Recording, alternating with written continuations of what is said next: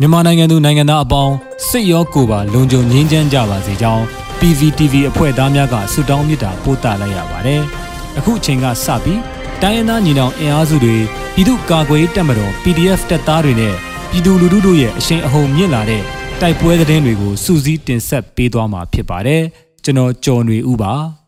။ပထမဆုံးအနေနဲ့မကွေးမြိုင်မြို့နယ်တိုက်ပွဲစစ်သား9ဦးသေဆုံးခဲ့တဲ့သတင်းကိုတင်ဆက်ပါမယ်။ မကွေးတိုင်းမြိုင်မြို့နယ်စူဝင်လန်ကွယ်အနီးမြိုင်ဘဟင်းလမ်းမကြီးပေါ်မှာအကြမ်းဖက်စစ်ကောင်စီတပ်ဖွဲ့များနဲ့ပြည်သူ့ကာကွယ်ရေးတပ်ဖွဲ့များမတ်လ30ရက်နေ့နနက်9:30မိနစ်မှာလက်နက်ကြီးလက်နက်ငယ်များဖြင့်အပြန်အလှန်ပစ်ခတ်ခဲ့ပြီးစစ်သား9ဦးသေဆုံးခဲ့ကြောင်းမြိုင် Villages Revolution Front တပ်ဖွဲ့ထံမှသိရပါဗျ။အဆိုပါအကြမ်းဖက်စစ်ကောင်စီတပ်ဖွဲ့များကိုမြိုင် Villages Revolution Front MVRF တပ်ဖွဲ့ကလက်နက်ကြီးလက်နက်ငယ်များဖြင့်ပစ်ခတ်တိုက်ခိုက်ခဲ့တာဖြစ်ပြီးစစ်ကောင်စီဘက်မှလည်းပြန်လည်ပစ်ခတ်ခဲ့တာကြောင့် MVRF တပ်ဖွဲ့ဝင်တအူထိခိုက်ဒဏ်ရာရရှိကာစစ်သား9ဦးသေဆုံးခဲ့တာပါ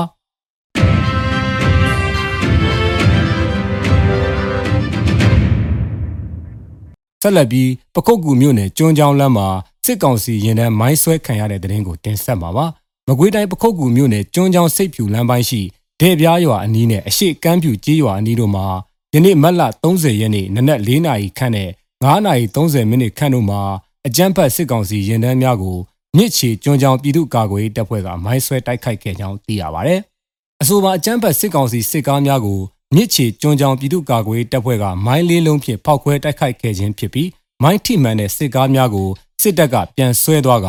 စစ်ကောင်စီတပ်ဖွဲ့ဝင်များထိခိုက်ဒေဆုံးမှုရှိမရှိကိုအတိမပြုနိုင်သေးပါဘူး။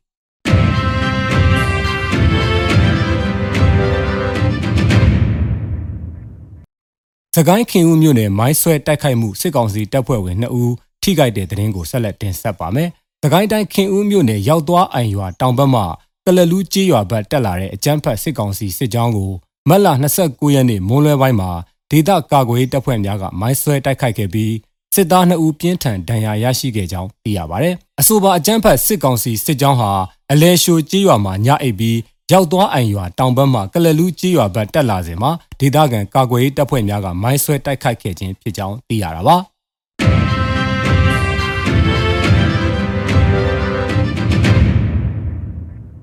ဆက်လက်ပြီးသကိုင်းဝက်လက်မြို့နယ်မှာပြူစောတင်းအုပ်မိုင်းဆွဲခံရတဲ့တဲ့ရင်ကိုတင်ဆက်ပါမယ်။။သခိုင်းတိုင်းဝက်လက်မြို့အရှိတောင်ရှိမကားလမ်းပိုင်းမှာမတ်လ28ရက်နေ့နနက်9:15မိနစ်ခန့်ကဒေသကာကွယ်တပ်ဖွဲ့များမိုင်းဆွဲတိုက်ခိုက်ထားတဲ့နေရာကို ပြူစောတိအဖွဲ့ဝင်2ဦးကလာရောက်ရှင်းလင်းစဉ်မှာ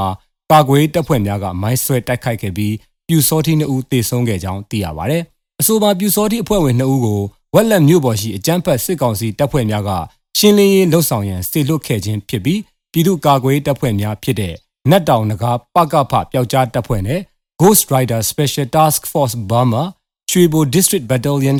15လင်းယုံပြည်သူ့ကာကွယ်တပ်ဖွဲ့တို့ကအဝေးထိန်ဘုံဖြင့်ဖောက်ခွဲတိုက်ခိုက်ခဲ့ခြင်းဖြစ်ကြောင်းသိရပါဗျ။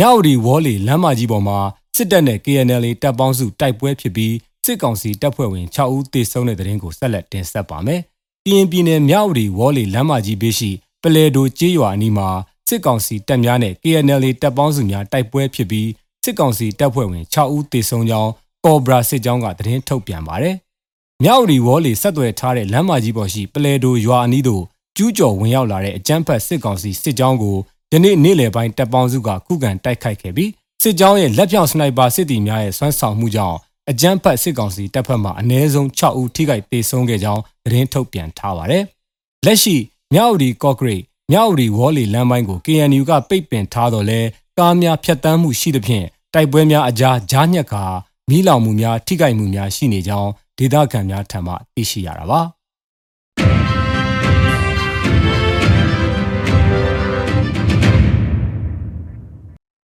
နောက်ဆုံးအနေနဲ့အမျိုးသားညီညွတ်ရေးအစိုးရပြည်ထရေးနဲ့လူဝင်မှုကြီးကြပ်ရေးဝန်ကြီးဌာနက2022ခုမတ်လ30ရက်ရက်စွဲနဲ့ထုတ်ပြန်ခဲ့တဲ့ပြည်သူခုခံတော်လှန်စစ်တရင်အချက်လက်တွေကိုတင်ဆက်ပေးသွားမှာပါ။အာနာသိန်းအကြမ်းဖက်စေအုပ်စုရဲ့ပြည်သူလူထုအပေါ်အကြမ်းဖက်ဖိနှိပ်ဖန်ဆီးတိုက်ခိုက်တပ်ဖြတ်နေမှုများကိုပြည်သူလူထုတရက်လုံးကအသက်ရှင်တန်ရေးအတွက်မိမိကိုယ်ကိုမိမိခုခံကာကွယ်ပိုင်ခွင့်အရာပြည်သူခုခံစစ် People's Defensive War ကိုဆင်နွှဲလျက်ရှိပါတယ်။တရင်အချက်လက်များအရ 29ရက်3လ2022ရက်နေ့မှာစစစ်ကောင်စီတပ်ဖွဲ့ဝင်43ဦးသေဆုံးပြီးထိခိုက်ဒဏ်ရာရရှိသူ12ဦးအထိခုခံတိုက်ခိုက်နိုင်ခဲ့ပါတယ်။စစ်အာဏာရှင်စနစ်မြမအမီပေါ်မှာအပြည့်တိုင်ချုပ်ငင်းရင်းနဲ့ Federal Democracy တိဆောက်ရေးအတွက်ငြိမ်းချမ်းစွာဆန္ဒပြတဲ့လူထုတပိတ်တိုက်ပွဲများကပြည်내နဲ့တိုင်းဒေသကြီးများမှာဆက်လက်ဖြစ်ပွားပေါ်ပေါက်လျက်ရှိပါတယ်။မြေပြင်မှာတော့ယခုတွေ့ရတဲ့သတင်းအချက်အလက်များထက်ပို၍ဖြစ်ပွားနိုင်ပါတယ်ခင်ဗျာ။